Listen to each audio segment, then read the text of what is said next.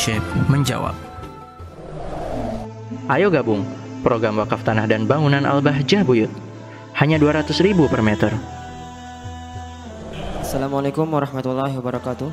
Waalaikumsalam warahmatullahi wabarakatuh. Abah, izinkan kami bertanya. Apakah beda pahalanya orang yang berzikir di dalam hati dengan berzikir dengan suara yang lantang? Mohon penjelasannya Abah, syukron.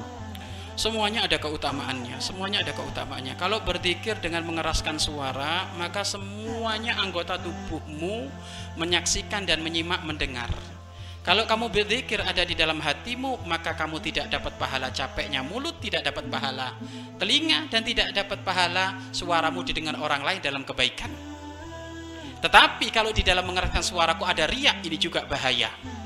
Lalu bagaimana? Utamanya keraskan suaramu Iya kan? Tapi dengan cara tidak mengganggu siapa pun, ya. Tapi niatnya dita, ditata. Kalau seumpama dikir dengan hati, kalau santri dijamin tidur, nggak ada, iya kan? Nah nunat fil nggak nggak ada. Saya dikir dengan hati tidur itu. Wong dikir suruh teriak-teriak aja tidur, apalagi dikir dengan ha, hati nggak ada. Makanya di sini dikir bil jahar, dikirnya dikeraskan. Batas keras itu apa? Tetanggamu kedengaran, Ya? Jadi kalau dikir dikeras, dikeraskan. Kenapa? Biar membiasakan melafatkan kebaikan tidak di, untuk diucap, diucapkan dan telinga siapa pun biar mudah mendengar kebaik kebaikan. Jadi utama mana? Utama bil jahr. Ya, utama bil jahr karena urusan pahalanya besar.